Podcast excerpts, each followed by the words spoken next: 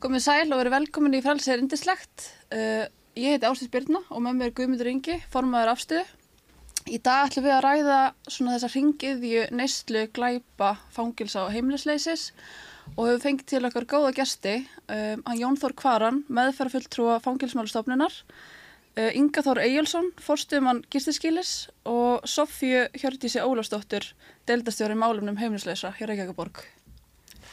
Já, í fyrsta þætti hafðum við rætt um geð heilbriðismál fanga og ætluðum okkur að taka annan þátt í það líka en okkur tókst ekki að koma saman uh, hópnum fyrir þennan þátt. En í staðin þá uh, tökum við mjög mikilvægt málefni en við erum að sjá að, að mjög margir í fangilskerfinu eru, að, eru í, fastir í þessari syngiðju uh, neyslu og glæpa fangilsa og enda síðan oft uh, í gistiskilónum eða eru heimilislausir mm. um, við erum, höfum teljum að það séu alltaf einhverju týjir einstaklinga hverju sinni sem að eru uh, í þessari ringiðju og fá ekki þá aðstóð sem þeir þurfa í raun og veru uh, hverki á þessu tímanbili uh, það er hverki gripið inn í og þeir eru Um, ná oft, ja, sömur jafnvel svona einhver, einhvers konar bata í fangilskerfinu uh, ná að vera eitthvað smá tíma uh, og svo er óbúslega að sorglegt að horfa upp á það þegar þeir enda síðan lappa út á guttunni og, og mæta síðan uh, í gistiskílin og, og, og hefja þar þennar ring aftur mm.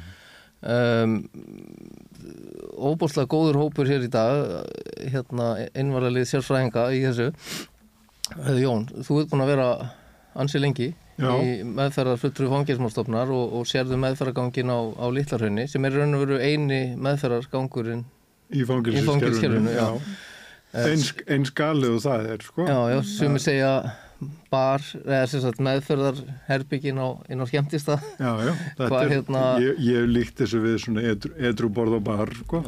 Hvernig, hvernig gengur? Sko starfið gengur náttúrulega bara alls konar. Það er hérna oftast nær gengur sko starfið sem slíkt ágætlega en, en það, þetta er náttúrulega bara ótrúlega flókið umhverfu til þess að vera með hérna áfengis og výmöfna með ferð inn í. Það sem að hérna þú veist það er já ég held að sé alveg óvægt að segja þú veist það er einhvern veginn ekkert á litlarhaunni sem stiður við svona meðferðarstarf veist, meðferðargangurinn er bara inn í miðri ringiðunni í, í, í fangilsi þar sem að hérna, alls konar hlutir er í gangi. Veist, það er yfirleitt mikil neysla e, kemur í svona bylgjum inn í fangilsinu og, og hérna og svo einhvern veginn bara er þetta svona eitt stór hrærigrautur. Þannig að þegar einn dettur við og þetta margir í það á ganginu já, og, og, það, og, það er yfirleitt þannig sko.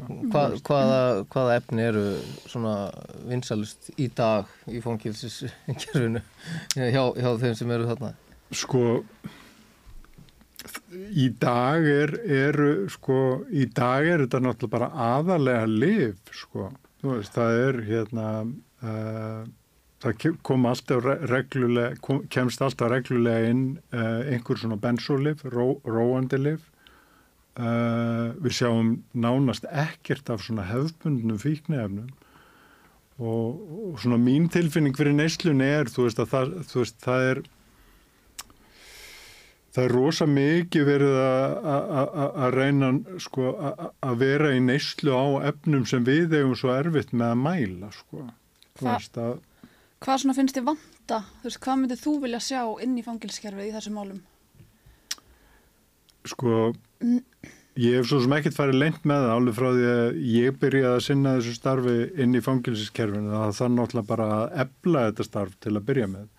Þú veist að, að hérna, í, sko, ég, ég veit að ekki verið gerðar eitthvað svona tölfræðilega rannsóknir á því en mín tilfinning fyrir því er að svona 80% af, af öllum sem sitt inn í fangilsi eiga við fíknavanda að stríða og fangilsiskerfið er, er ég menn eins og litlarhrauninu, við erum með 80 fanga á hverjum tíma uh, 50 og eitthvað fanga á holmseiði rúmlega 20 fanga í báðum opnu fangilsunum og það er eitt starfandi meðferðarfulltrúi þú veist, eða eitt og hálft stöðugildi meðferðarfulltrúi inn í öllu kerfinu og það hérna það er eitthvað skakt við það sko mm. fyrir utan það að, að hérna sko mín skoðun er svo að þetta, það þarf að taka þetta starfa að einhverju leiti sko út fyrir ringiðu örgisfangilsisinn sko. Þú veist að það sé ekki svona mikil samblöndun milli ganga. Þú veist strákarnir sem er að reyna að vera etru á meðferðaganginu hjá mér þurfa svo að fara í útivistir, út á vinnustadi, e, í skóla þar sem að aðrir einstaklingar eru sem er í neyslu sko. Það, það hefur svo sem verið ymsar hugmyndir á borðinu uh, við, ég heldur bæði afstæða og þú hafi komið með hugmyndir um að færa meðferðargangin yfir í hús 1 Já, til dæmis. Uh, en það hefur ekki verið tekið undir það því að þar komast færri að heldur en eru á, á hinnum en þráttur árangurinn eru meiri að þá Já, svo, svo þú veist, ég skil svo sem alveg einhverju leiti rökin fyrir því, þú veist, bæði, bæði er það minni eining en ég held að kannski stæðstu rökin fyrir því að sko þeir sem stjórn á litlarauðinu hafa ekki vilja stíga það skref að færa þetta í hús 1 er að því að hús 1 er í raun og veru eina byggingin sem að litlarauðin hefur sem þjónar þeim tilgangi að geta sko sett menn í aðskilnað af einhverjum ástæðum. Þú veist, hús 1 er notað bara í svona öryggiskinni sko. En svo, svo koma þeir af, af hérna að Lillarhönni og, og fá strætó með það og, og, og taka hann beintnir í bæ með, með, með pókarna sína. Mm -hmm. og Ingi þú tekur á mótið þeim, þú er búin að taka á mótið ansi mörgum gegnum tíðina. Þetta eru, þetta eru sömu andlitin sem þú ætti að sjá þetta ekki? Ég meina, er þetta ekki, er þetta ekki erfitt? Ég meina, hvernig er að vera heimnislaus þú náttúrulega þekkir það ekki. Nei, ekki í þessum skilningi sko, en hann að það er bara svona survival mode skilur það er bara kvíði og streyta og, og maður hefur þetta enga þessi menn hefur þetta enga framtíða sín sko því að þeir vita kannski ekkert hvað gerist á morgun eða í kvöld eða, mm. eða eftir klukktíma sko Hvað hva, hva myndur segja að vera svona helstu hættunar í þessum þessum heimi eða svona bara alls konar, Já. bara alls konar óbeldi og mm -hmm. og hann að og alls konar lausnir sem þú vilt ekki að séu lausnir. Mm. og veist, hvernig þú verður þér út um eða þú vorst að nota hvernig þú verður út um výmöfni og hvernig þú verður út um peninga og mm. veist. Ha, Hafa svona starfsmenn gisturskiluna þurft eitthvað svona salvanar stuðning fyrir það sem þeir eru að svona uh, sem það eru upplegið starfi? og, já, já, já, já. Og það er gott, góð stuðningur auðvitað um, um þá. Já, og þetta kom upp á hvernig hlutir bara, mm. veist, sem að sem að hérna, velnilegt fólk lendur ekkert í sko, veist, hana, en að því að tala um svona þessi, bara, þetta er eins og eitthvað sætsýndor, sko, maður sér maður tekur kannski á móti mönnum á fimm ára tímabili fjórusunum, sko, sem eru búin að fara bara, veist koma til okkar og fara í fangilsi koma til okkar, fara í fangilsi mm. það er nú kannski það sem er erfiðast að horfa upp á, sko, að bara það gerist aftur og aftur fyrir sömu mönnum, sko. Hvað er hérna, Sofía er heimilslösum að fjölga eða hvernig er staðan í dag? Sko, heimilislösum, tilfinning okkar er að heimilislösum séu aukast, að það, já það séu aukningi í hópnum, en við þurfum auðvitað líka að taka inn í myndina að það er stutt sem við fórum að gera sko, svona gaggjara tölfræði á hópnum. Svo við segjum hérna að heimilislösum hefur fjölgað, við erum kannski líka byrjað að telja þau. Svo hérna að það er svona, við vitum ekki alveg hvort er, þú veist, ég menna við erum að sjá kannski breytingu á hópnum samt sem áður.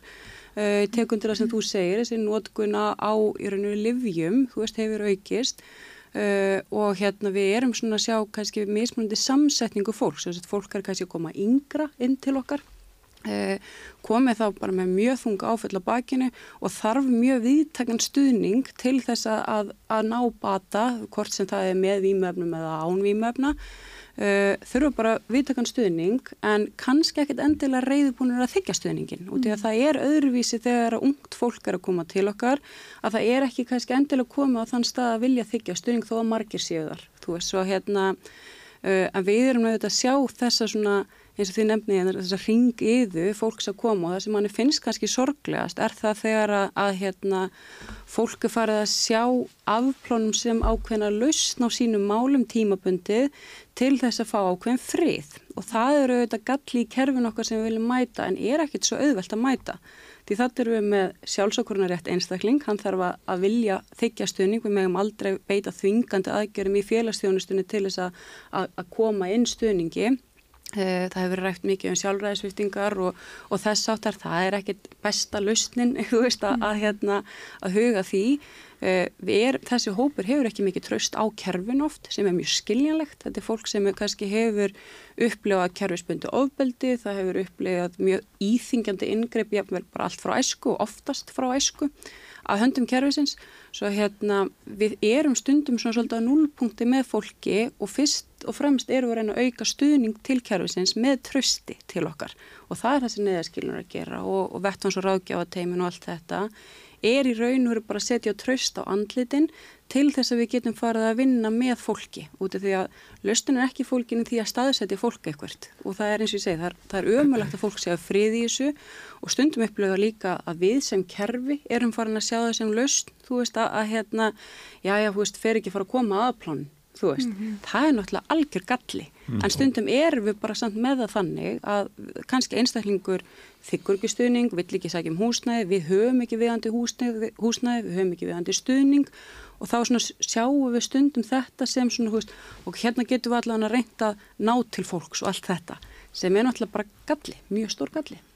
En við hérna, uh, því að sko, nú erum við kannski mest að tala um kallmenn uh, mm. sem eru í fangilsónum, það eru mm. yfirleitt eru bara 5% sem eru í fangilsónum konur þó að sé aðeins harfa hlutfall í dag.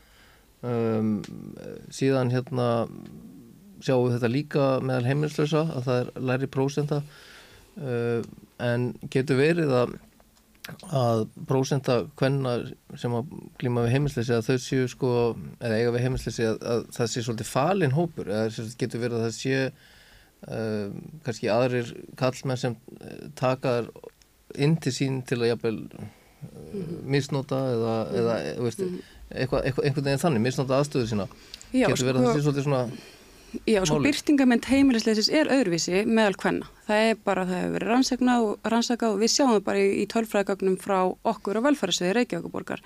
Uh, við fórum í stórt átak hérna um 2019 í raun og bara að finna þessar konur og við höfum, ég menn ég man hérna eitthvað tíman hérna uh, það er ekki langt síðan, þú veist, það er 2015 mm. eða eitthvað svolítið, það sem sko talning á heimilisleisum konum var einu brektið staður, það er bara voru líki til Núna erum við með mun fleiri konur á skrá hjá okkur út í við höfum gaggjart farið í að finna þessar konur. Og við erum, við getum ekki endalust beðið eftir því að konur endilega leiti til okkar og við erum ákveðin að leiði til þess að ná til þessara kvenna. Og það er vettóngstarfið okkar svona hvað einna sterkast út af því að þegar að konur til dæmis byrja að nýta neyðarskili kvenna, konungótt, að þá hefur óbúslega margt gengið á þær eru uh, og það er margt bara svona einan kynjafræðinar sem að bara útskýri það, þú veist, það er þessi ábyrðutilfinning, það er oft maðurarhlutverk, það er tengingu badnavendakerfi og allt þetta uh, sem veldur því að konur er að skila sér setna inn í, í, í neyðarskili hvenna sem veldur því að staða þeir eru kannski orðin verri mm.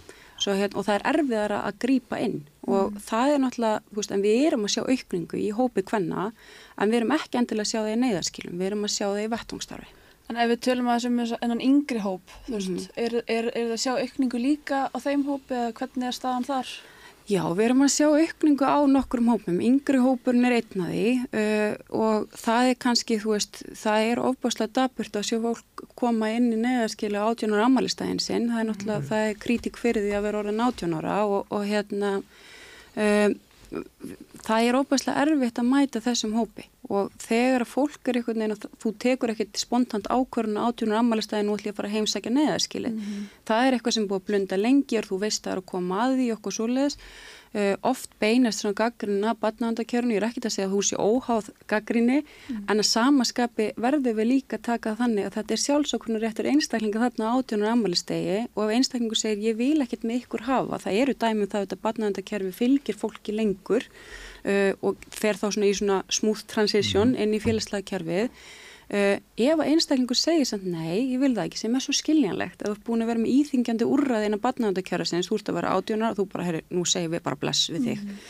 uh, það er ömulegt, út í að þá ertu líka þú ert að taka þín fyrstu skref inn í, í fullonist ára en samkvæmt skilgjörningu lagana en þú ert kannski búin að fullonist sem þú varst fimm ára, þú veist, út frá ábyrð og allt þetta uh, en þannig erstu einhvern veginn og þú færði einhvern veginn svona aðeins meira frelsi, þú, þú færð hérna og ingen alltaf þekki þetta kannski betur svona starfandi og, á hérna gólfinu.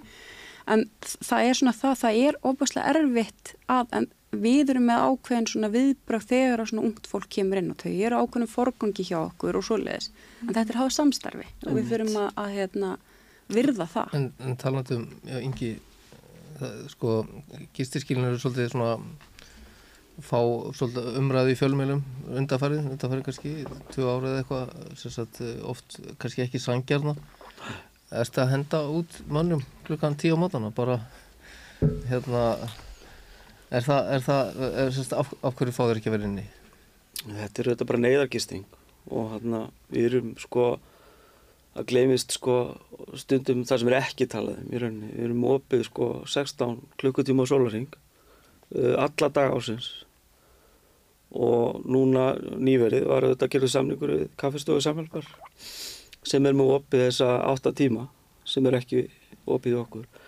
Uh, þegar við lokum 10 á mótnana þá það sem að uh, verkefni sem að stafsfólk hefur þá er að þrýfa allt húsið og skiptum á öllum rúmum og, og þrýfa til dæmis á öllum rúmum í báðum neðaskilum þannig er þetta á lindagötu þannig að starfsfólk setur ekki tennar upp í lotti þegar menn fara út sko. það þarf auðvitað að undirbúa það að þeir koma aftur. Uh, og kannski bæta því við að við á lindagötu erum líka með veika menn inni yfir daginn. Veist, menn sem eru með alveglega síkingar eða, eða eru reyfihamlaðir við erum auðvitað með líka gamla menn sem geta illa lappað og ef að, ef að færðin er þannig eru þeir inni þess vegna.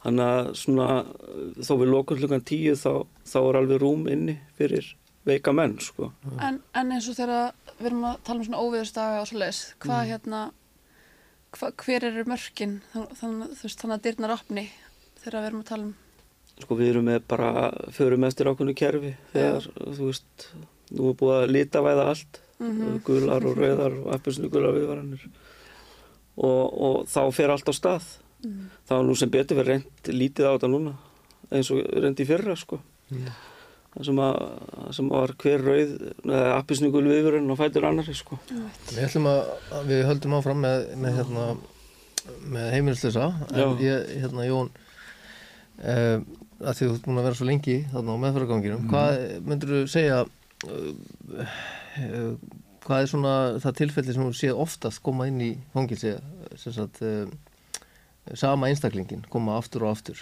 Hefur einhverju tölu á því að einhver einn einstaklingur sem búin að koma kannski þín tíu sinnum eða mannstætt einhverju svoleiðis? Einhverju Já, já, ég, þú veist, ég man alveg eftir þó nokkrum sem hafa komið sko fjórum til sexinum ég, ég man ekki eftir neinu sem hefur komið oftar en það. Mm. ekki til mín en sko það, það er alltaf á hverjum tíma sko einstaklingar inn í fangilsiskerfinu sem eru í tíunda, tólta skipti sko. Og finnst þér uh, að það sé verið að vinna eitthvað með þetta fólk sem er í fangilsum? Sko það, það er alltaf verið að reyna Mm. veist, en, en, en það, er, það er náttúrulega bara hérna það er bara að svo mörgu að huga þetta er svo bæ- bæði er vandið þessara einstaklingar svo flókin og eitt, eitt af því sem hefur gerst til dæmis sko í mínatíðin í fangilsiskerfinu er að, að hérna, skjólstæðingahópurinn er alltaf að verða veikari og þar að leiðandi bara vandið er að flóknari En svo er náttúrulega bara, veist, það, það eru litlir fjármunir sett í meðferðarstarfi inn í fangilsi, alveg sama hérna hvernig meðferð við horfum á. Veist, meðferðarteimi fangilsismálastofnun er algjörlega undir mannað og hefur verið í fjöldan allan árum, en, en þú veist, það er verið að reyna að veikum mætti. Uh, uppbygging, bara húsakostur og litlarhunni stiður mjög illa við bara allt meðferðarstarf.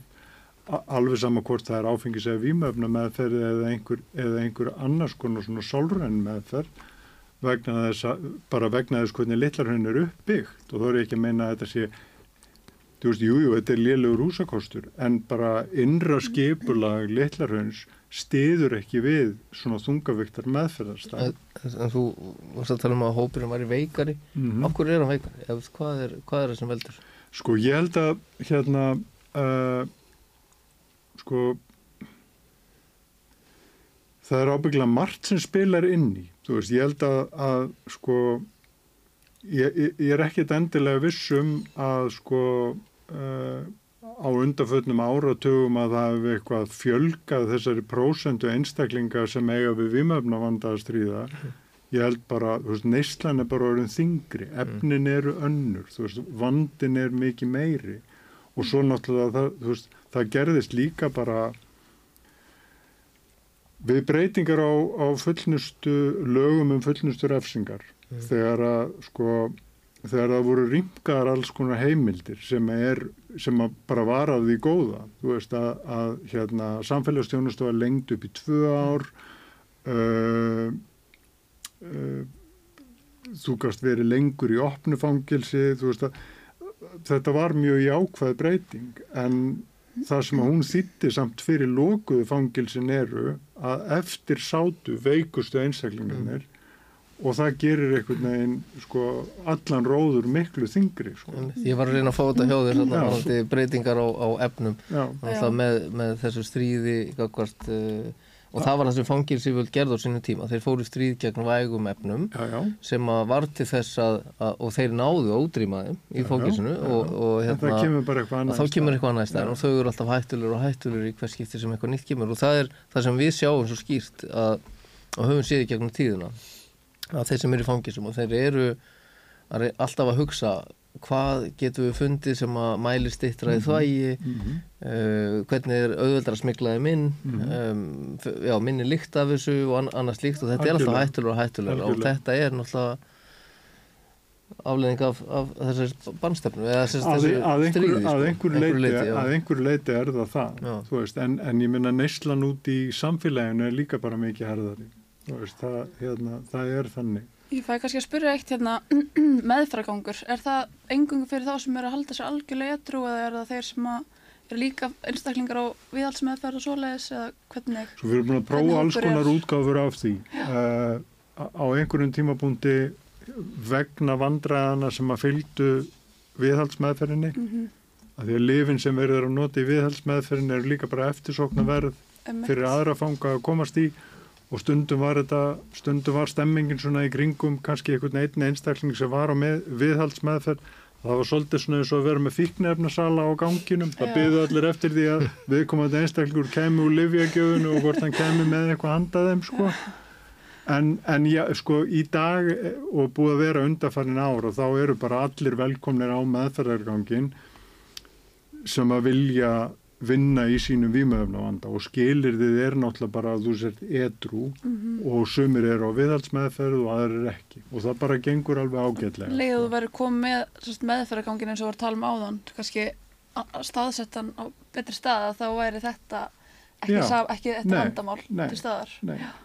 Við, við heyrum oft í svona, já, hvað við segja, heyrum við sjáum það skrifaði kommentarkjörðun og fólk er að reyna að furða sig á hvers vegna fangilsum get ekki stöðvað výmöfni, výmöfnar flæðin í fangilsin og lifin mm -hmm. og, e, og ég er svona, já, stundur langar mann að svara mm -hmm. en ég minna uh, e, þar sem er eftirspurn þar er frambóð, frambóð. og hérna, þannig að það skiptir um einhverju máli þó að menn séu læstir inn í sko 23 tíma sólring, eða í einangrun þeir fá alltaf e, efni ef þeir vilja það já, já. þannig að sko Hvernig var slagurðu? Þyknirbarlöst Ísland árið 2000 já, já.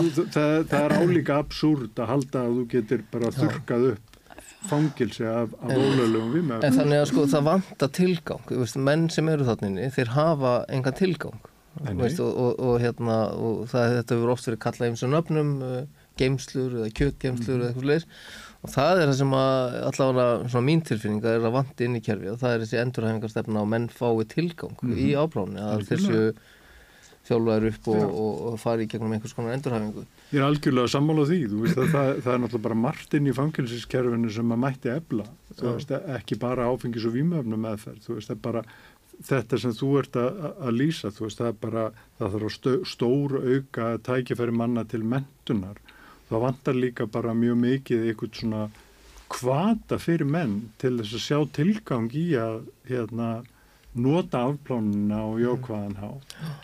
Og, og hérna það er fullt fullt að sóknafærum þarna. En svo er það náttúrulega bara þú veist þetta er svo, stó, þetta er svo stór bolti veist, það, er svo, það er svo margt sem þarf að skoða. Veist, eitt af því sem að ég held að kannski takmarki getu eða vilja manna til þess að nýta afplánuna og jákvæðan hátt er bara þessi endalösa óvisa sem að menn upplifa í afplánun þeirra, menn er að býða eftir svörum um sko hvenar eitthvað á að gerast veist, hvenar fæðir einslu veist, mm. það er yfirleitt allir með ólókin mál í lauruglukerfinu mál sem að býða afgriðsli hjá domstólum Þetta er eitthvað sem maður heyrir bara aftur og aftur Já. þetta kom upp, upp í, í senst að þetta er okkur líka sko. Já, og, það, og það, er, það er bara svo þú, það, veist, það er svo ég er, búin, ég er búin að heyra þetta svo oft mm. í gegnum tíðina þú veist, maður á viðtal við mann og er að reyna mótiverðan til þess að stíga ykkur skref þú veist, til þess að taka á sínum málum en að því að ná nú ólokinn máli kerfinu þá ætlar hann bara að gera það næst þegar hann kemur. Það, ég, menna, ég veit ég kem aftur. Ég díla bara við þetta þá.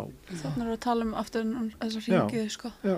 Við, við, já, við fórum vel yfir þetta í síðasta þætti sko, að þetta hefur svo mikil áhrif og andlega helsu manna og ég var bara sjálfur síðast í dag að reyka eftir fangilsífjöldum að svara einum að, hérna, að það er ekki nóg að fá bara að þær vera að vinna í þessu og hann fer fljótlega heldur, mm -hmm. hann þarf dagsendingu skilur, það er það sem hann þarf Já. og hann þarf að fá það í dag Já. þetta er svona kannski okkar hlutverk að vera í dag á þessa hluti mm -hmm. finnst, finnst okkur séum svona afstæða og ég, veist, í mínum ögur skiptir það bara rosa miklu máli mm. það skiptir rosa miklu máli að þú vitir hvað er framöndan alveg og, og, og, og það sama gildir um þú veist þegar það kemur að því að fangilsiskerfið sleppi tökunum af þessum einstaklingum -huh. þá skiptir bara gríðarlega miklu máli að þeir viti hvað þeir þá framöndan þegar þeir losna. Og þetta er vantalega bara vandamál sem er bara í öllum þessum líka á málumnum heim, heimilslösa sko. Já, engi, hérna, þetta er sama hópurinn og sama vandamálinn, mm -hmm. sömu vandamálinn hjá þér. Þetta er hluti, skilur. Uh, heimilslöst fólk eru þetta alls konar, við erum með menn sem er í fangilskerfum, líka með menn sem er ekki þar sko. Mm -hmm. uh, veist, og eina sem að samennar auðvitað heimilslöst fólk er að það er heimilslöst mm. uh, og hlutaði nota výmööfni, hlutið notar ekki výmööfni, hlutir með gerannan vanda og svo framvegis, skilur. Mm þannig að þetta, hann skarast að hluta en ekki auðvitað að öllu leiti þannig að þú veist það eru auðvitað ekki allir heimiluslösir í afplánun eða á leiðin úr afplánun skilur en, en þið eru vantilega með samt uh, ég, ég, ég hérna áttam á því að staðanir getur oft verið erfiðar í, í gýrstiskjálunum heldur en í fangirsunum þar sem menn eru með nóga efnum og er í virkunnislu og er eh, öll með þessi veikindi líka og fá ekki aðstóð sem þeir þurfa. eh, sko, hvað hva myndir þú, hvað finnst þér vanta í kerfið hjá, hjá ykkur? Þannig að þið geti sko, Sálfræðingarnir segja að greiningar séu til að ræða fólki meðferð. Já. og hann að en sko vandi okkar bara alla tíð ég veit ekki hvort hann sé sér íslenskur í efastöða er bara að fólk er komið með margar greiningar að þá þá er ekkert með engin meðferði búið og sérstaklega ef eitthvað eina af þessum greiningum er výmjöðnagreining þá er þess að hún einhvern veginn tromba allt þannig að ef þú ert með výmjöðnagreiningu og geróskreiningu eða þroskaskerðingu eða eitthvað að þá einhvern veginn tekar ekki inn í einn bók sko. þetta er einhvern veginn ekki inn í einn að uh, geða meðferð og skilur það er bara það er einhvern veginn enginn sem getur hjálpa manni þegar maður er komið með mörg númar á bakið sko. maður hefur myndið séð það, veist, það er einn krafa að hérna, þessi hópur hérna, úr málflokki heimilslausra þurfa að vera étrú í kannski sex mánu til þess að fá í gegn að fá ymsa greiningar sem við þurfum kannski á að halda Já. þú veist eins og bara dæmi aðtælisprestur áverkni og svoleiðis Ég sem alltaf óþarfi og kannski alltaf velta fyrir okkur okkur fólk er eins og er mm -hmm. hvernig var þann svona skilur af því ég er ekkert sem að það sé lausnin sko. Uh, ég held að lausnin sé mögulega bara að horfa einstæðlingin eins og hann er og reyna meðhandlan eins og hann er. Einmitt. en ekki verið alltaf að velta yfir sig hvernig hann varð eins og hann er. Mm. ég er ekkert eins og að lausnin sé það En, það er náttúrulega samt sko, þú veist, út í því voru að spura líka um þessi gehelbreiðsmál, við sjáum það náttúrulega og það eru bara euróskar rannsóknir og samtök euróskar stofnuna sem vinna með heimilisleysi sem eru að sína fram á aukninga á þessum tvígreininga vanda meðal heimilisleysa, það er að aukast í Európu Uh, og við getum spurt okkur um það, það var nú bara að koma að skýsla núna í síðustu viku frá þessari stofnun sem að síni fram á það að það er margt sem spilur þarna inni, það er aukin réttur til með hérna, innan föllunamála sem er frábært mm. uh, sem að svona kannski kemur í veg fyrir það að þvingandi úrraðum sé beitt fyrir fólk sem er með föllun uh, það veldur því samt auðvitað að kannski færi þetta fólkin í rafsjóðslikerfið út af því að það er ekki viðandi úrraði, fólk færi ekki viðandi stuðning og Uh, og þetta er fólki sem að, þá eru að tala um gamla kópáshælið og allar þessar svörtu skýrslur sem hafa komið en þá voru einstaklingarnir þar. Nú byrtast þeir okkur í fangiliskjörunum þau byrtast okkur í neðarskýlum og það er bara ný áskorun veist. Og svo að, að ég held sko það er ekkert endilega orðið aukning á hópnum að þarf ekki endilega að vera en þau eru að byrtast okkur annar staðar. Mm. og kannski í, í úrræðum eða stofnunum sem eru kannski ekki tilbúin að taka móti þessum einstaklingum, ekki með ekki með sérfræðitekkingu svo það er náttúrulega áskorunum okkar og við erum bara stödd þar ásand Evropalöndum í þessari stöðu þar sem við erum bara að sjá þennan hóp mun víðar og með mun floknari vanda.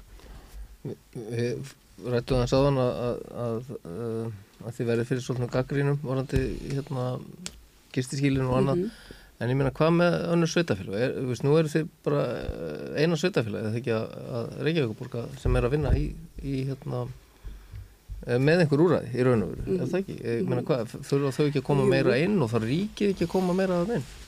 Jú, uh, sko, ég væri til að geta bara svarað já. að hérna, ég er kannski svolítið bæjast þetta hérna sem, sem deildist fyrir málflokks heimilisleisra. En jú, að sjálfsög, út í að við erum náttúrulega einbara því að þetta er málflokkur heimilisleisra með miklar og floknar þjónustuþarfir. Og þegar einstaklingum með miklar og floknar þjónustuþörfur stendur fyrir framann okkur þá getur ekki eitt kerfi komið til móts við þar, þar sko stuðningstarfi sem hann er með. Mm. svo hérna og þetta eru við erum alveg að ná samtali og við erum að ná samstarfi í mörgum málum. En að samaskapi er við til dæmis sem eru hugað með fangilsmálakerfi við höfum stundu farið í ákveðin átagsverkefni og eitthvað svona þetta bara einhvern veginn dettur síðan allt niður út frá mönnun og allt þetta, það er allir að vilja gerðir og það sjá allir ágóða samstarfs, það er ekki þannig. En þegar hlaupin eru svona hröð, að þá verður maður svona stundum okkur hvað er að forgansraða og hvaða atvið gerur það sem við erum þá alltaf að mæta, það eru neðar ástandin.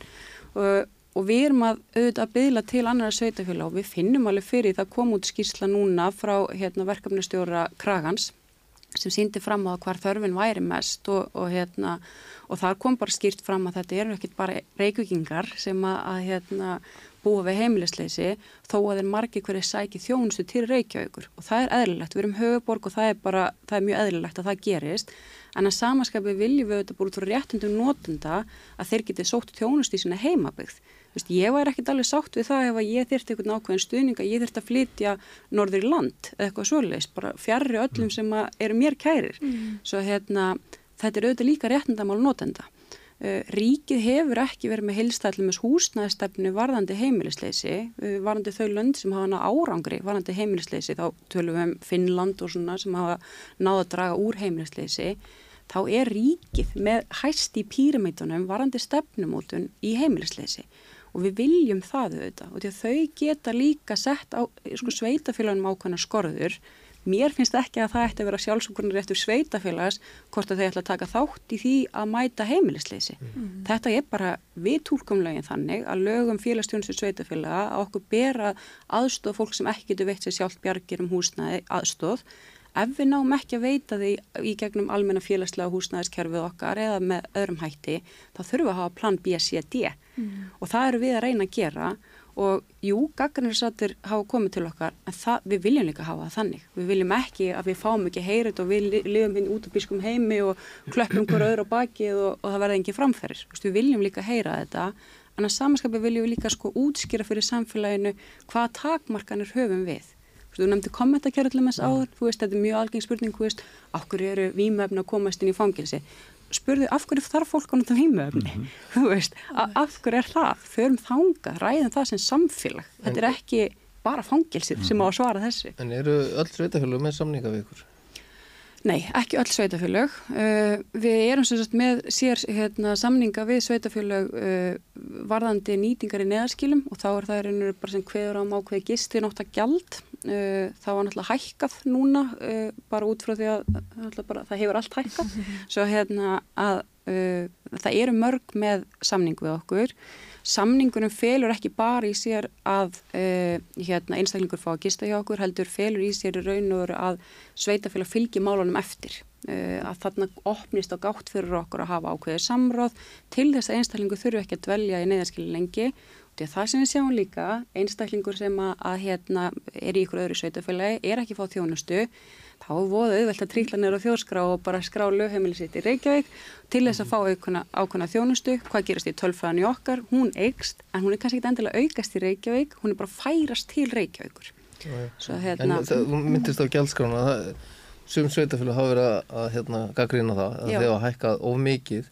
Hvað, hvað er inn í þessum Í, í gjaldskráni? Uh, sko við hækkuðum núna uh, gjaldskrána reynur bara um 100% hérna á síðast ári og það var bara til þess að við tókum bara raun kostnað fyrir eina gistun og fyrir einstaklingi neðarskili og þar eru við að tala um þetta gisti plás og við erum að tala um næringu, við erum að tala um nálaskiptið þjónustu, við erum að tala um stuðning starfsfólks. Uh, oft eru við líka, höfum við þurft að nýta vettvangsteimin okkar ef um bráðatilveikar að ræða, ef það er fyllt á spítala eða félagstjónustu eða annað, þetta er fólk sem er stundum á vergangi líka, svo hérna inn í þessu er ótrúlega mikil mannabli uh, og auðvitað ákveð tímabundi öryggi fyrir einstakling þó þetta sé ekki ákjósanlega staðu þetta. Mér langaði að spyrja að því nefndur að vera eitt máli trítlanir þjóðskrá.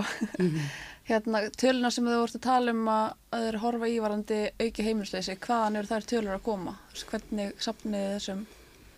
Sko, talning á heimilsleysi er líka bara áskorun worldwide, þú veist, er, hérna, þetta er bara gamla góða manntali þar sem það er bara farið frá húsi í hús, sko, nema núna erum við bara að tellja hausa auðvitað. Uh, við notum tölfræðiskranningun okkar, við erum auðvitað með góða tölfræði yfir nýtingu neðaskilum Við erum með góða tölfræði líka í vettums og ráðgjafateiminu, mm. uh, svo við erum með konkrétt tölur yfir neðagistingu. Mm. Það er þannig að, að það er enginn sem þarf að sofa úti, það er bara yfirlík stefn okkar. Það eru þetta alltaf samt hópur sem að, ég ætla ekki að nota orðið kýs það, en það er fólk sem að, að einhverjum völdum verður það eða finnst það knúið til þess að þurfa að gista úti. Mm -hmm. Svo hérna sáhópur er mjög lítill, það er bara viðforslega og annað.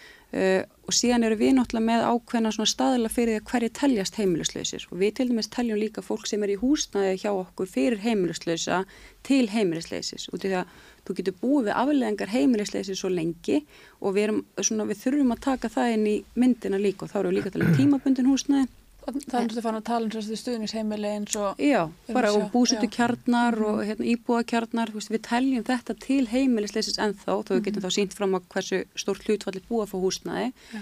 En þetta er til þess að sína í raun og veru líka bara, og við erum einu sem höldum utanum þessa tölfræði, mm.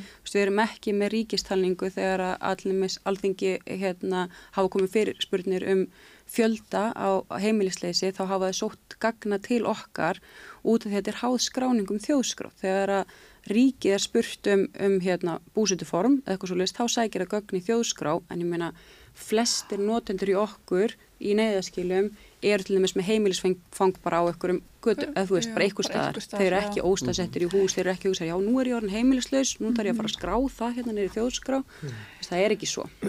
Eitt af þeim málum sem hafi verið ábyrgandi núna síðustu mánuði bara í fjölmjölum og, og fólk hefur verið að skrifa mikið að greinum út af og ég veit ekki hvort að, að þið verið eitthvað varfið í fangirsunum en, en yngi, það eru hérna skamtanir á livjum sem að ákveðin læknir var að, að hérna, skamta í, í sína mm, sjúklinga mm.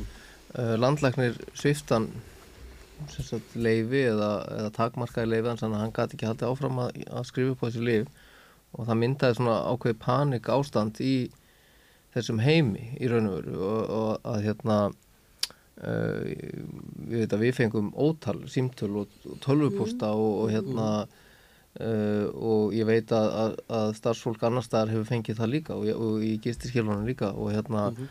uh, og fólk bara í, í svona vandræðum vissi ekki hvað átt að gera og í hvort fótið átt að stiga og hvert átt að leita og annað og hérna en, en það var alltaf með að við sko það er allt það fær alltaf annan endan 28. januar hver er staða núna? Veistu eitthvað hvernig þetta fór eða þetta má? Þessu var nú eitthvað framlengt sko.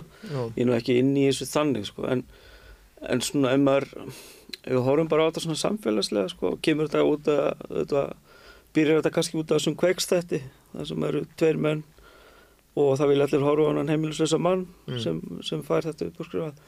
En sko í sama þætti er maður sem fær sko 100 töflur á viku eftir bílslis og það finnst öllum það bara í lagi.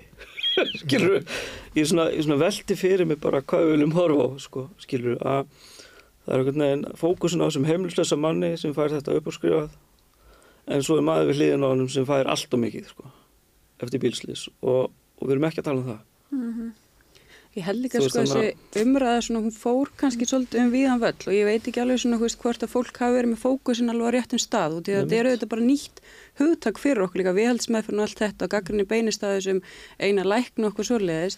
En niðurstaðan er raun og svo við viljum verkla í kringum þetta. Veist, við viljum geta veitt fólki þessa þjónustu akkurat ekki þannig að það þurfa að vera hausi eins manns sem ákveður að taka þetta. Eða svona Og bakkjara megin. Já, Já, þú sér bara fleiri minna síðast voru félag lifjafræðinga sem voru að stíga fram og segja bara, þú veist, þetta hefur reynst vel í apotekum, þetta gengur vel hjá okkur, við erum með í hérna, húsnæðisteiminu hjá okkur, þá sjáum við gífurlegan mun á notundum sem hafa fengið viðhaldsmeðferð, út frá þau ná að halda betur húsnæði, þau eru róleri, þau eru endun í að tengslu fjölskyldumeðlimi, það er alls konar svona og auðvitað má alveg gaggrina framkvæmdina þú veist að, að hérna, það er auðvitað vond þegar að en í þessu málflokki því miður þá hefur margt gerst á þurft að gerast á aktivisma. Mm -hmm. gerist á aktivisma. Þú veist við fengum það innleitt út frá bara ákveðnum rótækum aðgerðum.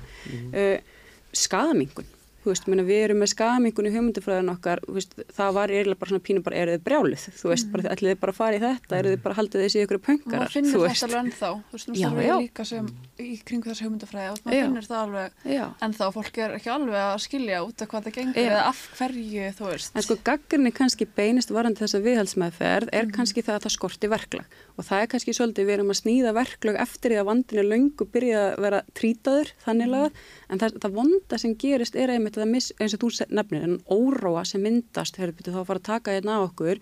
Þetta mun líklegast þingja fangilskerfin í, í hérna á ákveðnum tíumpunkti út af því að fólk er líka bara það er þessi ófyrir sjáanleiki sem við erum alltaf að tala um í þessu málflokki og þetta fólk bara má ekki við því það býr líka til fleira þólendur sko.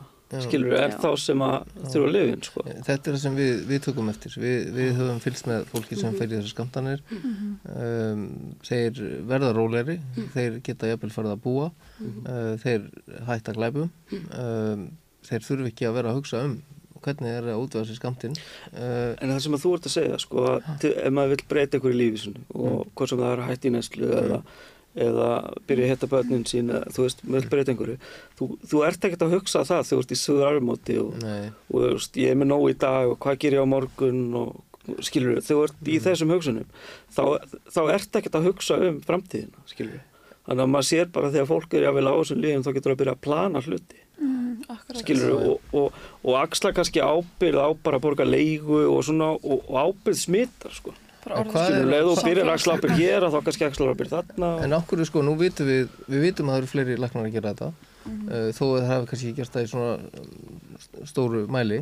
En hvað er, veist, hvað er að, ég meina, er þetta eh, skortur á þekkingu eða, eða fordómar hjá landlækni eða veist, hvað er, vi, vitið það eitthvað? Eða, þetta er eitthvað hug? Engin þið eitthvað? einskýring, örgulega nokkrar sko, en eins og Sofía segir þetta þarf að vera í einhverju ferli skilur þetta þarf að vera bara í einhverjum ferli og, og eitthvað faglegt á baku þetta Mm. þá ekki setja þetta á hendur einhvers eins manns sem að eða tökja að Já, skilji, mér þetta svona þarf kannski ekki að vera alvarlegast hvað þetta hefur verið þurft að vera bakdýra megin, sko. Að, sé, að, að, að við séum ennþá þar að, að það þurfi að fara svoleiðis fram, sko. En það hafa vist verið einhverjum þokkulega góðum viðtökur við, það ekki, síðan sko það sem að þetta er aldrei rætt það sem er auðvitað aldrei rætt er að hana, þetta er auðvitað bara lif sko, skilur sem fólk er almennt á.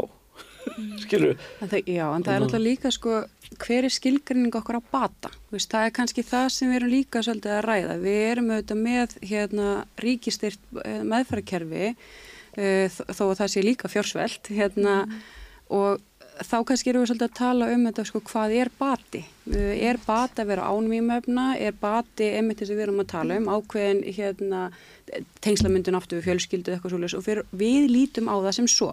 Ég sko, ég get samt ekki gaggrínt á því, ég er ekki læknir, ég hef aldrei klárað læknaprófum mitt, að hérna, að þú veist, að það sé þannig að það sé ykkur að sko gaggrindra sko hérna, rannsóknir bak við það af hverju það eigi ekki að, að hérna, halda út í viðhaldsmeðferð með ákvæmlega livjum. Það sem við erum bara benda á að þegar við vinnum með fólki þá sjáum við samt sko ef við ætlum að takmarka skadan að þá er þetta skada mingandi, mm -hmm. þú veist, svo hérna en ég skil alveg að, þú veist, ef þú ert há, þú veist, í einni fagstjætt og þú ert bara með rannsóknir sem sína fram á að það er ekki en, en út frá hverju er það ekki? Er það út frá því að niðurstöðnir er að vera að þú hætti sér að nota vímefni eða niðurstöðin er að þú fari í viðhaldsmeðferð menna eins og, hérna, þessi viðhaldslíf fara allmest ekki vel í alla þessi viðkendu, hérna, þau verum talað um súbosón og allt þetta, þau fara bara mismunandi í fólk, við erum líka náttúrulega með ákveðinlið sem að eru ekki með þessi svona samhænta viðhaldslif með, svo hérna þá verður að tala um uppáskrift þeirra livja til þess að þá minka skamtinn mm -hmm. hægt og rólega eða eitthvað svolítið en ég held svona við, við erum kannski, við hugsun svolítið um þetta batinn sé alltaf sá að þú endir með hús, hund og heimili án výmöfna. Það er bara ekki staðan. Við og erum bara ekki þannig. Að þú nefndir að, að þú veist það fari ekki eins í alla. Það er bara ekki raunhafur mælikvarðin. Algjörlega. En svo er þetta líka þannig, sko, þeir sem annarkot vilja ekki eða get ekki hægt þeir hætti ekki að vera til. Mm. veist, það verður að vera til löstnir það er ekki einhver einn ríkislöst fyrir alla í neinu.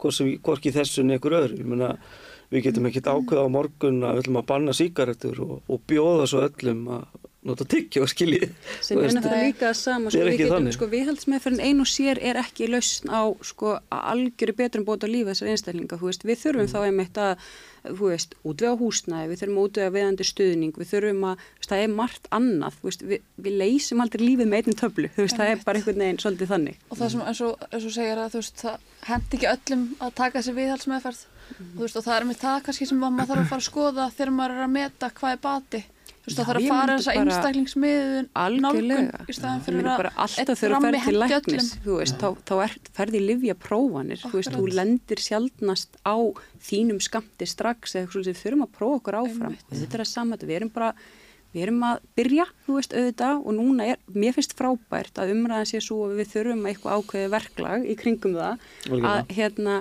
til þess að líka starfsmenn séu öryggir að vinna með þetta því það er ótrúlega mikið áli, held að fólk áttir sig ekki alveg á því að þegar að laugin eru þannig að eitthvað sé bannað að starfa innan þess umhverfis uh, að upplifa það að þú sért sífælt að brjóta reglur eða sért samsegur eða eitthvað svona þetta er ótrúlega flókið fyrir starfsmenn mm. svo ef við ætlum til að tryggja gott vinnu umhverfi fyrir starfsfólkið okkar, þú veist, ef við erum búin að tala um notendur að þá er ákveðin regluvæðing líka svolítið lausnin, mm. að fólk finna að það sé ekki að fara yfir ákveði mörg. Mm. Já, já, það er hérna, ég fór einmitt fyrir afstöðu í morgun og sótti á gistiskilu hérna uh, eigur fanga uh, og keiriði það upp á holmsiði mm. og þá var ég einmitt að hugsa að þetta, hvað, hvað sem ekki að Mm -hmm. við veitum ekkert hvað er í þessu og þannig að hverju laglega staða Akkurat. fólk sem er, a, er að vinna við já. þetta en, en það er sko já, það er svona mín tilfinning að við erum ekki bara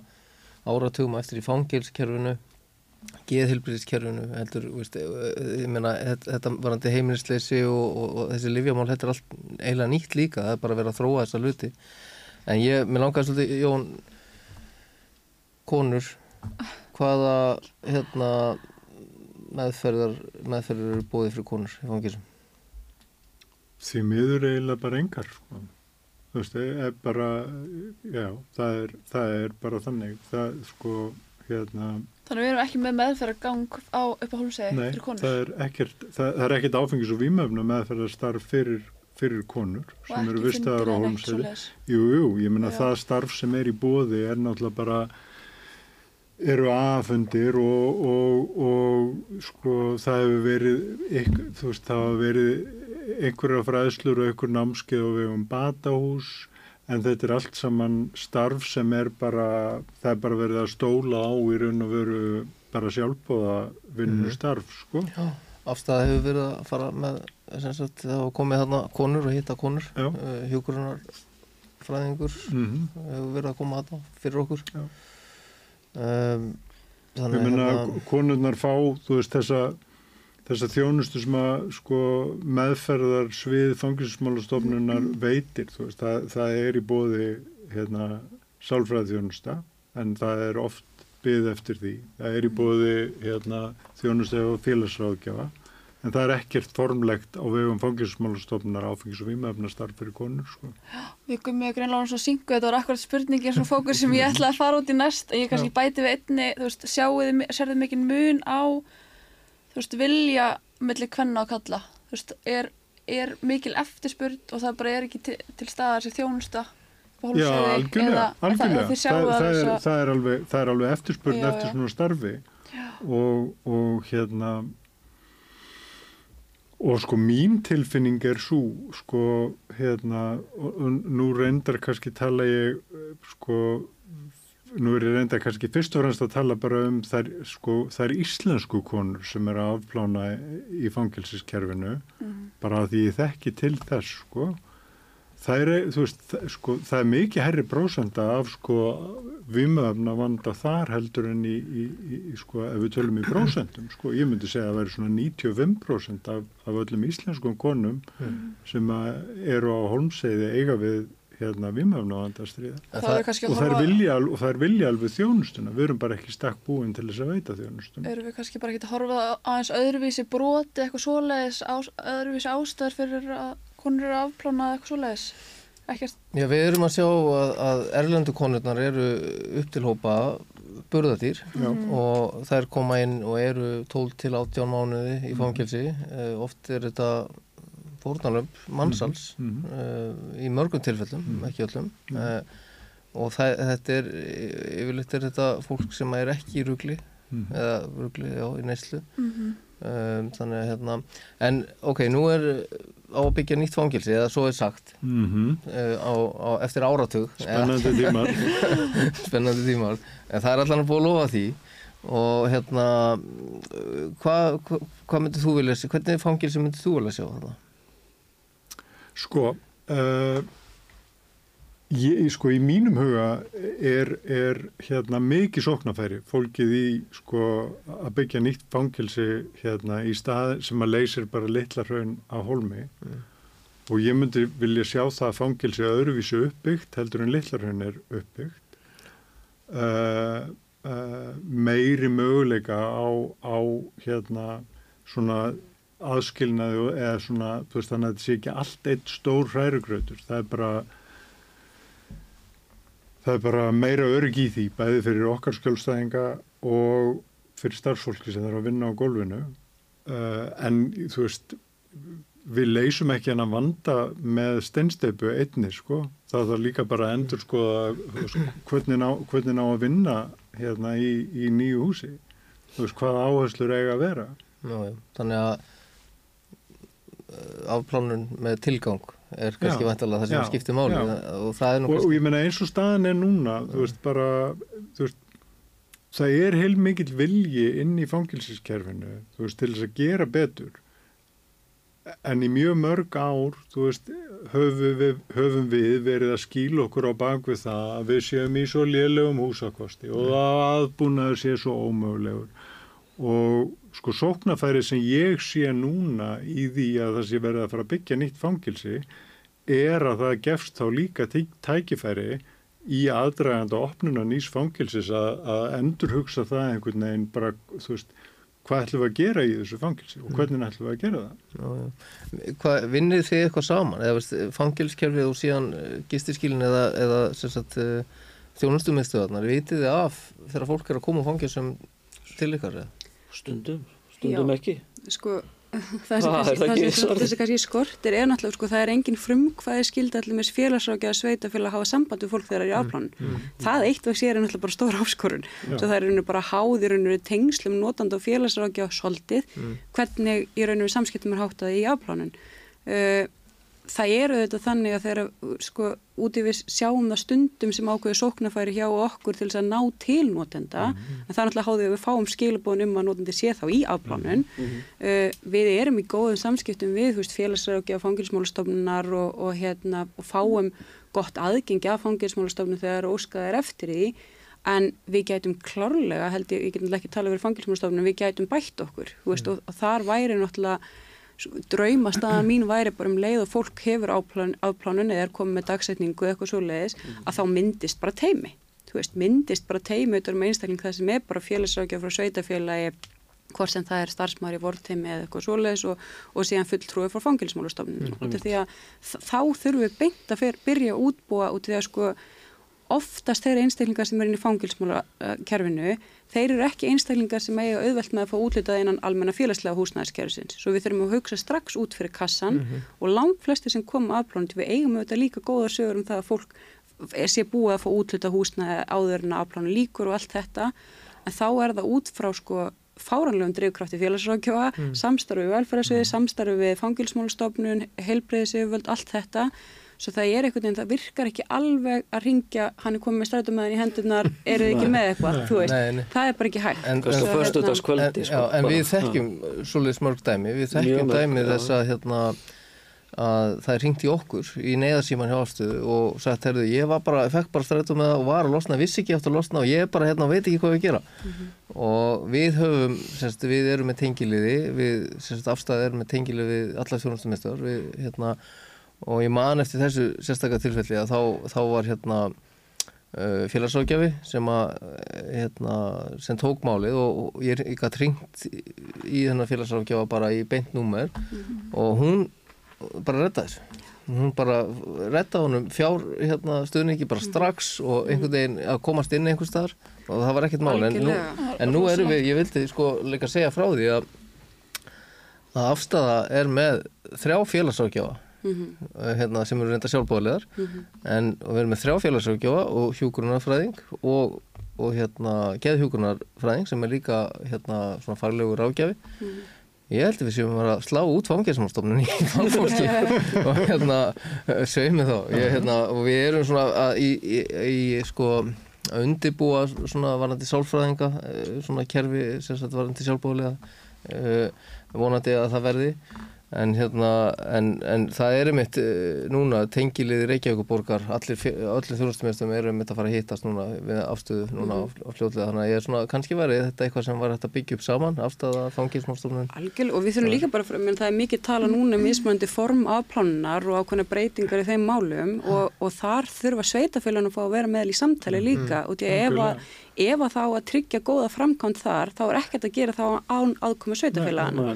Svo hérna ég fagna því að mismunandi forma afplánuna sé eitthvað starf næsta leitir allan að mhm. komið eitthvað í gang uh, og, það myndi klárlega nýtast einhverjum hluta hjá okkur, í mhm. okkar hóp en sveitafélagin þurfa að vera með í því út því við þurfum, þú veist þetta er, þetta er orðið svo þreytt umræða þessi ríki og sveitafélag mm -hmm. hérna, þessi ríkur hérna á milli. Og því við eigum þetta bara í frábærum samskiptum bara oftast við alla þessa en það eru þessi svona sílóar og þessi svona stóri hindurinn á milli þar sem að starfsmenn bara get ekki farið yfir.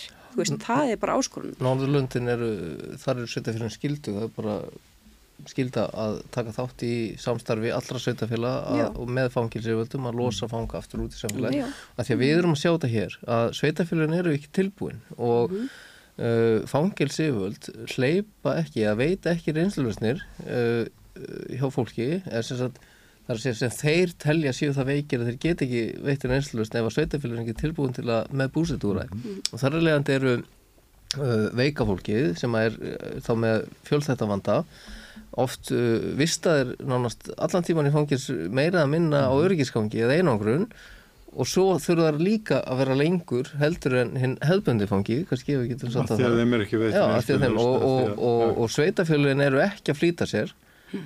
og oft hugsa þeir sko þetta er svo dýrpakki skilju við ætlum bara ekkert að við bara býðum þá þannig búin til, en, en þetta er náttúrulega bara þetta er ótrúlegt sko þetta sé svona, svona áhugavert samt sko veist, í því svo varst að segja sko og voru svo látt nýverið að geðbískerfið er bara ekki með.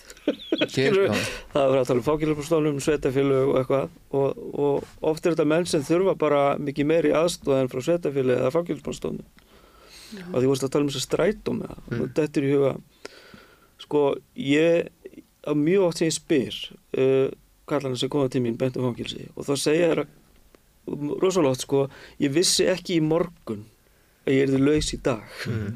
skiljið, þá vaknaði bara mótni og svo bara í hátteginu þú ert að fara heim. Og þetta er, þetta er partur af þessari óvissu sem ég var að tala um þeir eru búin að vera þá inn í þessum ramma skiljið, í fangilsi og svo allt í hennu svona Já. er hann En það segir manni líka bara það að það er engin almennileg undibúningsvinna í gangi að eiga sér stað ef að þeir eru allt í hennu bara ítt, þú veist, út, út fyrir Já, brúnina. og það er svo ótrúlega margt sem spilar þann inn í, þú veist, þetta, þetta er partur af óvissinu sem fylgir bara allt og stórum hópi af einstaklingu sem er inn í fangilskerfinu, Mhm. að þú getur verið í þeirri stöðu að sitja bara lengi í ykkur sem er kallað lausagesla, sem er bara mm. gesluvarðhald, Mhm. jafnvel mánuðum saman og svo bara kemur, þú veist, klukkan fjögur þennan dag, þá bara ákvaða dómari að framlengja ekki gesluvarðhaldinu. Þá ertu bara laus. Mhm. En þú áttur ekkert, von- þú veist, skjölstæðingurinn átti ekkert von á því, sko. Er veist, það eru alls konar svona hlutir við, sem að... þetta líka kemur inn á með máli kerfinu. Að lauruglan er sem sagt, með máli kerfinu kannski endalaust og, og jafnvel ári eða tvö eða, eða lengur og menn Já. vita ekki hvernig að losna út Nei. af því. Og þetta er eitthvað sem að veist, þetta verður bara að hætta, þetta er að eyðalega fólk. Já, og fangelsiföld verða bara ekki, ég veit að þeir eru farnir að, að skoða þessi mál meira. þeir eru fannir að skoða Já. þetta mikið meira og Já. þetta, þetta hefur alltaf minna og minna vægi, en samt of mikið fangelsiföld verða í dag bara hætta að skoða þetta. Þetta er bara ekki þeirra mál að Nei, skoða og ég veit ekki hvenar þetta kemur en, en þeir hljóta að vera átt að Já, segja já, ég, Ég, ég, hérna, ég, ég held að já. það komi, sko. Mér langaði að spyrja Ingi með hérna, ég veit ekki hvort það varst reynda búin að spyrja en, en svona samskipti milli skjólstæðinga og starfsfólks eh, hérna í gistiskjólum, er það vinasamband eða, eða? Nei, nei, ekki vinasambönd sko. Um, sko, í fyrsta lagi er öll samskipti bara valkvæð, skilur uh, við viljum auðvitað, menn geti komið til okkar á þess að sé einhverjar hvaðir á, skilur að þeir hætti í neyslu eða leiti sér aðstofar við þessu eða hinnu skilur, við viljum ekki að menn sko séu lattir að koma að því að það er alltaf eitthvað vesinn það ringir alltaf aðraðum um að hætta þessu og byrja á hinnu og fara rekt, skilur við, hvað sem það er.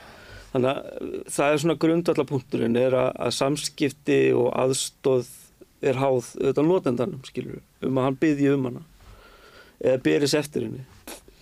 En, en þetta er ekki vina samband sem slíkt en, en þá er ég ekki að segja að hún sé ekki sko vinarleg sko, veist en, en, en það eru auðvitað alltaf ójöfn samskipti, skilur veist, ef að þú ert starfsmæður og við notanda og starfsmennu þetta gerir sig grein fyrir því að, að, að það er alltaf ójöfn samskipti ég hérna ætla bara að beint í næstu síðustu spurningunum.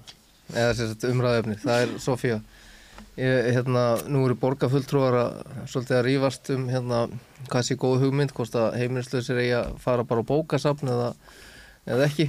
Og hérna uh, þe þeim hefur verið bóðið að fara á bókasafn og þeir fara á bókasafnin reglulega og heimilislausir og hérna bara til að nota tölfur eða eða hérna eitthvað uh, svo eru aðrir sem eru á, mó- á mótið því Hva, hvað finnst þér? Sko, ég er bara samfélagslega, ekkert bara út frá heimilisleysum, það er bara erum við mákvæðin samfélagsrými og við öll eigum aðgengi að þeim. Þú veist, það er bara stöttisvarið. Við öll eigum aðgengi að því, en húsin sjálf og stofnarnar og, og, og svo starfsemi getur auðvitað alltaf sett ákvæmna hvað er á hegðun allar sem eru þar inni. Svo hérna, uh, og það er ekkert, skiptir ekkert máli hvað heimilisfangum eða hvað er í dvelum nóttina. Það er bara einhver lína ferð ekki yfir. Uh, mér finnst þetta alltaf hættulega umræð að vera að taka ákveðin hóp út fyrir sviga og segja þessi hópur má nota þetta hús og þetta minn mann bara svolítið á bara liðna tíma sem við viljum allir ræða um, um strætóa og allt þetta þú veist að, að, hérna, að þetta er, þetta er varhugavert að fara í að taka þennan hóp út af fyrir sviga en við getum alveg talað um ákveðin hegðun innan þessara uh, samfélagshúsa er ekki liðin. Þú veist, það er alveg, alveg algjörlega hreinu. Það hefur mikið verið rætt um það til dæmis að, að það þurfu aukna öryggiskeslu, það þurfu alls konar svona, húsin sjálf verður bara að taka ákvörðinu það hvernig mæta eigi þessari hegðun en það er ekki háði að þú gistir í neðaskilinu og granda þessa nótt, þú veist bara að við höfum það alveg á hreinu. En okkur hérna uh, það sem ég er að hugsa að því varst að tala um öryggisverði uh, svona við þekkjum það bara úr fangilsónu þegar öryggisverðir eða enginsklætti menn eru látni vera yfir veiku fólki eða mm -hmm. það stuðar fólk sko meira og ve- veldur oft meira Algjörlega. vandræðum og svo eru þeir náttúrulega ekki þjálfar í að takast á þessi vandamál og þá takar Nei. ofta ákvarðanir byggðar á, á, á hræðslu kannski fyrir Já. en hvað hérna eh, hefur eitthvað verið rætt til dæmis að sér hæft starfsfólk neðaskilana uh, vinni þarna líka eða sérst á þessum stöðum? Bara sé bóðið það Já, sko við höfum alveg veist, og, og bara taka það fram að vettfannstjónustan okkar er alveg sínilega inn á bókusafnum þú veist að, að hérna út í þarna eru þetta bara nótundahópur sem við þurfum ofta að, að ná til. Svo hérna að það er kannski ekki aðal málið en það sem kannski líka þarf að vinna með sko ég skil alveg starfsfólk bókasafnins og hefur verið umfjöldið en þau eh, reyðu síðan að raða bókum eitthvað svolítið sem er reynda bara ekki skilkanning bókasafna þetta er, er stórt samfélagshús og samfélagsverkefni. Eh, en þannig erum við bara komin á líka sko að, að núna er bara vandin er að þingjast og honum er ekki meitt mætt með refsingum og, og svona ákveðnum struktúr heldur ákvarðat stuðningi og veist, við getum alveg að eitthvað segja við séum á softi í þessu kursulegs en þetta er bara rannsóknir sem sína fram á þetta að lausnin er ekki það að refsa fólki mm. heldur það að mæta því þá með ákveðnum stuðningi eða annað eitthvað svoleiðis svo hérna og það er hættulegt þegar svona umræði fyrir gang líka bara upp á þá hegðun sem þau vilja ekki sjá innan uh, þessa sta þessara staða þú veist út af því að rísósanir eru ekki margir fyrir fólk til þess að fara við daginn og og sko hampið ykkur fyrir það að fólk leiti til ykkar. Það er, það er sko, það er rosalega kostur og tröst sem fólk vegur á þessi samfélagshús sem er mm. bókasefnin eru. Og það er frábært, nýti ykkur það, farið í pér með það, við erum ofin fyrir öll og við erum bara, þú veist, hér er gott að vera, skilur við. En Jón, eh, Haldur Pál Fangavörðu var hérna í síðasta þætti. Og hann endaði þáttinn rosalega með hérna, hann, hann hérna, hann sagði hérna hísið upp um einhver brækuna sem að ég að stjórna og koma með peninga í þetta úr mm -hmm. Viltu enda þetta einhvern veginn svona, svipað? Já, aldrei les Rósalegt tækjumveri maður. Þú er ekki spurðið mig ekkert um þetta. Ef ég tala bara um ef ég tala bara um hérna fangilsiskerfið í heilsinni þá hérna uh, væri mín skilabóð bara til þeirra veist, sem að ráða þessu öllu saman og skaffa fjármununa í þetta bara leiða hugana í hverslas einstaklinga viljið þið fá aftur út í samfélagið. Þú veist, ef við ætlum að vera samfélagið sem að dæmir menn úr leik, þá þurfum við líka að gera ráð fyrir því að þeir komi aftur út í samfélagið. Hverslas einstaklinga viljum við fá út í samfélagið. Mm. Ég ætla bara að enda því. takk, takk hella fyrir að gefa okkur tíma að koma hitt okkur og tala um, um þetta mikilvæg málefni. Þá bara endur við þetta svona, ekki? Jú. Bara við sjáumst aftur á tveim vikum liðinum, eða ekki? Takk. Frábært. Takk. takk.